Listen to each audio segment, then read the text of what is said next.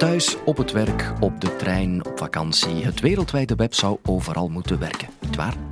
Ik zelf word heel gefrustreerd als ik geen verbinding kan maken. Maar werkt het echt overal? Ook als we in de toekomst naar verdere planeten reizen. Professor Ruben Verborg legt uit. Werkt het wereldwijde web ook op Mars? Dit is de Universiteit van Vlaanderen.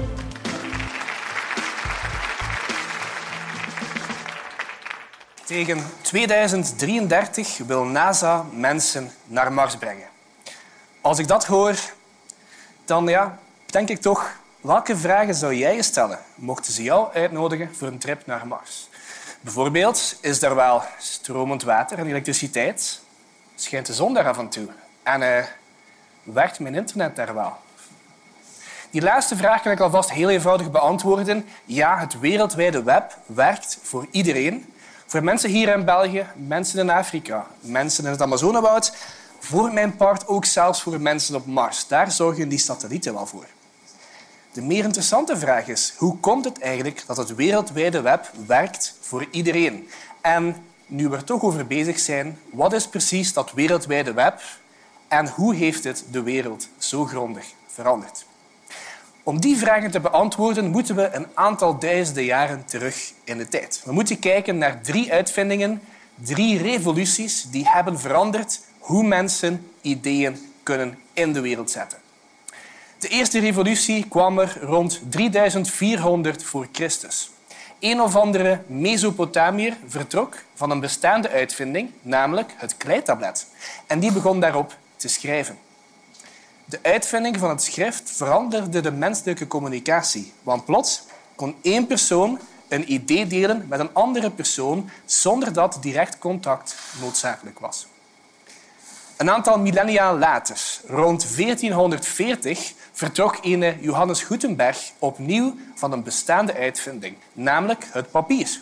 En die begon daarop teksten te drukken en die teksten vormen een boek. De uitvinding van de boekdrukkunst veranderde de communicatie opnieuw grondig, want plots kon één persoon zeer eenvoudig ideeën delen met veel andere personen. Nog een aantal eeuwen later, in 1989, vertrok de Brit Tim Berners-Lee opnieuw van een bestaande uitvinding, namelijk het internet. Nu, het internet bestond al sinds de jaren 60. Dat zijn die kabels die computers wereldwijd in een netwerk verbinden. En sinds de jaren 70 kunnen we al e-mails versturen over dat wereldwijde netwerk. Maar wat nog niet kon in de jaren 80 was een document online zetten zodat iedereen het kon zien. En dat is net de uitvinding van het wereldwijde web. En het web veranderde de communicatie pas echt grondig. Want plots kon gelijk wie een idee delen met de hele wereld. Nu, waar is dat web precies vandaan gekomen? Wel, Berners-Lee die werkte in de jaren 80 in Genève bij CERN, het Europese onderzoekscentrum voor deeltjesfysica. En daar in CERN komen wetenschappers van over heel de wereld samen en ze brengen allemaal een eigen materiaal mee, eigen computers, eigen software. Stuk voor stuk briljante mensen met briljante ideeën. Maar het probleem toen was dat al die ideeën opgesloten bleven in documenten op al die verschillende computers. En op zich is dat vreemd, want het internet bestond al. Die computers waren verbonden met kabels. Maar uiteraard, het is niet omdat je plots een nieuw document hebt gemaakt of een bestaand document hebt aangepast, dat je dat ook meteen gaat doormailen naar al je collega's. Niet echt praktisch. En zelfs al zou je doormailen naar iedereen, dan nog is de kans groot dat ik het niet kan opendoen, want we hebben allebei verschillende computers. Dus in de praktijk raakten de ideeën niet verspreid. En als je dus binnen CERN een idee zocht, ging dat als volgt. Eerst moest je uitvissen op welke computer dat idee stond opgeslagen in welk document. En als je dat wist, wel, je kon proberen vragen om het door te sturen, maar in de praktijk moest je heel vaak fysiek naar die computer wandelen om mee te kijken op het scherm van die collega om het idee te zien. En dat werkt misschien nog net als we allemaal daar in Genève zitten. Maar uiteraard, als die wetenschappers terug naar huis gingen, ze kunnen moeilijk even een vliegtuig nemen om snel een idee te gaan bekijken op iemand anders scherm. En dus in de praktijk zaten die ideeën vastgeroest. En dat frustreerde Tim Berners-Lee enorm. Hij zag al dat potentieel, al die inspiratie, al die kennis die gewoon vastzat in die machines.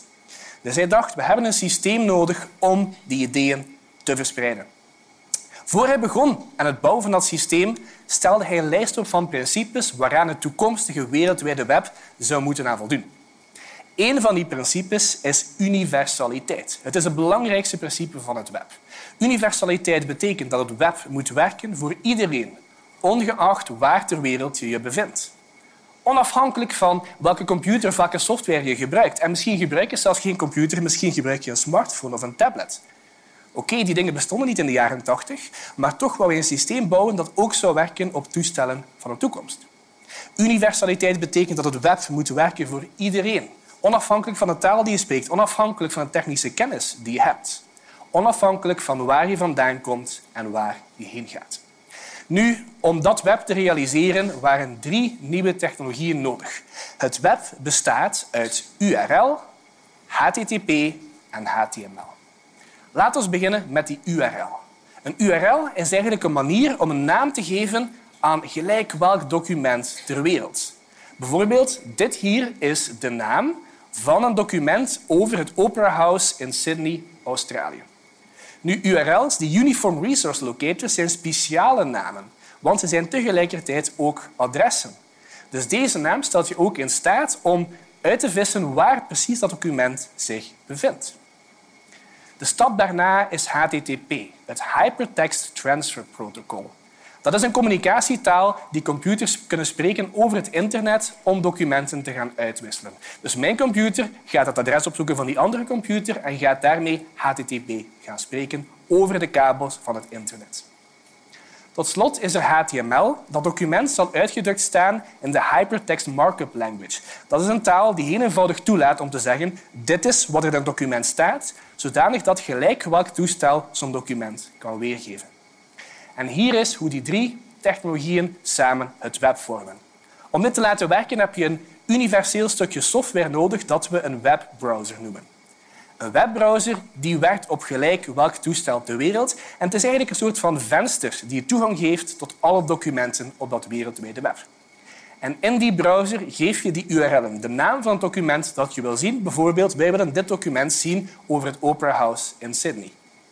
Mijn computer gaat dat interpreteren als een adres en gaat contact leggen met die computer in Australië. En met elkaar spreken ze HTTP over het internet. Mijn computer gaat zeggen, beste Australische computer, ik zou graag dit document zien. En die Australische computer gaat zeggen, hier heb je een kopie. Dat document zelf staat uitgedrukt in HTML. En de HTML-taal gaat uitdrukken, dit is een titel, dit is een paragraaf, dit is een afbeelding en zo verder, zodanig dat mijn computer of mijn tablet die pagina kan weergeven. Heel interessant is ook dat in een HTML-document er nog meer URL's kunnen gaan staan. Dat zijn uiteraard de hyperlinks. Je kan gewoon klikken binnen zo'n document en als je klikt, gaat die link een andere URL zijn en gaat je dus meenemen naar een ander document, potentieel aan de andere kant van de wereld. Dus niet alleen zorgt de uitvinding van het web ervoor dat we documenten van over heel de wereld kunnen bekijken, we kunnen al die ideeën in die documenten nog eens met elkaar gaan verbinden en met één klik hebben we plots een totaal ander idee. En uiteraard het web heeft de wereld zeer grondig veranderd. In een aantal goede manieren, maar ook op een aantal minder goede manieren, zoals je allemaal wel weet. Maar laten we beginnen met het goede nieuws. Het web heeft de manier veranderd waarop wij leren. Als ik vroeger iets wou weten over dat Opera House, dan moest ik naar de bibliotheek of naar de lokale boekhandel. Nu kan ik diezelfde informatie gewoon zien vanuit mijn luie zetel. En ik kan over gelijk wat iets bijleren op het web. Dit college staat gewoon op het web. Je hoeft niet naar mij te komen om deze uitleg te krijgen. Je bekijkt het gewoon online. Over alles valt er wel iets te vinden. Het web veranderde ook de manier waarop wij communiceren. Iedereen kan een eigen website starten. Je hebt er van niemand toestemming voor nodig. Iedereen kan foto's online zetten. Iedereen kan teksten online zetten. Dat is allemaal mogelijk dankzij het web. Het web zorgt voor freedom of speech. Iedereen kan gelijk wat zeggen over gelijk wat. Ook binnen bedrijven heeft het web een revolutie teweeggebracht. Vroeger, als ik een winkel had, bediende ik mijn lokale regio. Dankzij het web ligt de wereldmarkt aan mijn voeten. En ook voor uitvinders is het web geniaal. Want vroeger, als ik een app wilde bouwen, als ik een idee had, dan moest ik bouwen voor een specifiek toestel met specifieke software. Anders zou mijn app niet werken. Vandaag bouw ik mijn app gewoon voor het web. En dankzij de universaliteit van het web werkt die app op gelijk welk toestel. Dus ideeën, foto's, uitvindingen verspreiden zich plots dankzij het web razendsnel. Uiteraard, met al die kracht, al die kennis, komt ook wat verantwoordelijkheid, komen ook een hele hoop uitdagingen. Bijvoorbeeld, net omdat iedereen gelijk wat online kan zetten, hebben we problemen met de betrouwbaarheid van informatie. Wie zegt dat dit stukje informatie correct is? Dus echt nieuws van vals nieuws onderscheiden is een ontzettend grote uitdaging geworden. Een andere uitdaging is dat we de controle kwijt zijn over onze persoonlijke data. Het idee achter het web was dat we allemaal onze eigen website konden starten op onze eigen computer. Maar wat doen we? De laatste jaren zijn we beginnen onze data te geven aan een klein aantal zeer grote, vaak Amerikaanse bedrijven die iets in onze plaats online gaan zetten. Maar goed, je weet ook, een keer een foto op Facebook staat, krijg je er nog maar eens af. Dus die controle zijn we kwijt en die moeten we terugkrijgen. We moeten terug naar het originele web, waar we zelf beslissen wat online staat, op onze eigen voorwaarden. Een andere uitdaging waar je misschien niet over nadenkt, dat zijn al die native apps die je vindt op je smartphone. Dat is zogezegd een grote stap voorwaarts, maar als je over nadenkt, is het eigenlijk een stap achteruit. Want voor het web bestond, had je altijd een specifiek toestel nodig met specifieke software om een document te kunnen gaan lezen. En voor elk document andere software. Dankzij het web hebben we genoeg aan één app, de webbrowser, om informatie van heel de wereld te gaan zien. En wat doen we nu met het web hebben? We gebruiken het web om apps te gaan downloaden. En die apps, daarmee kunnen we enkel maar informatie van één specifiek bedrijf gaan zien. Dan zijn we die vrijheid, die universaliteit kwijt. En uiteraard hebben die bedrijven dat graag, want die browser is van ons. Daar bepalen wij wat er gebeurt.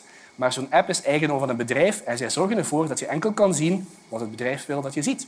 Bovendien heb je ook steeds de laatste nieuwe iPhone of de laatste Android nodig om die dingen te kunnen gaan zien. Dus tot zover het idee van universaliteit. Dus laten we toch allemaal die browser weer wat meer gaan gebruiken.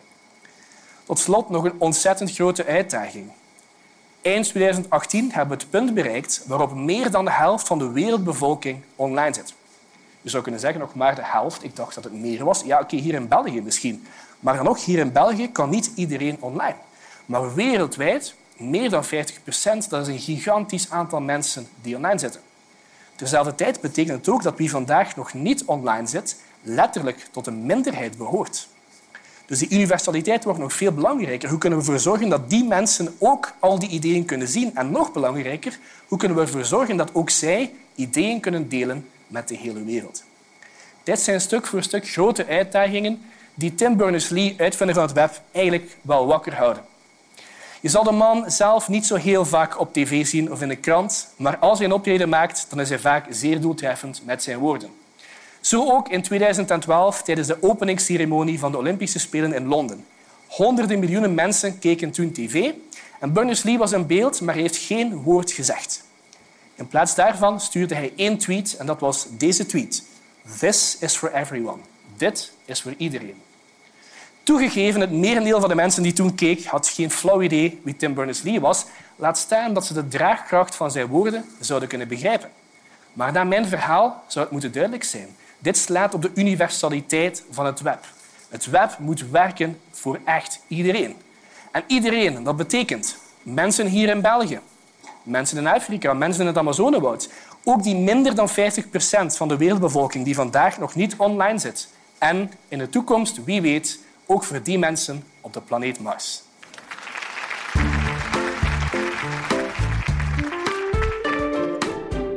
Ziezo, weer wat bijgeleerd.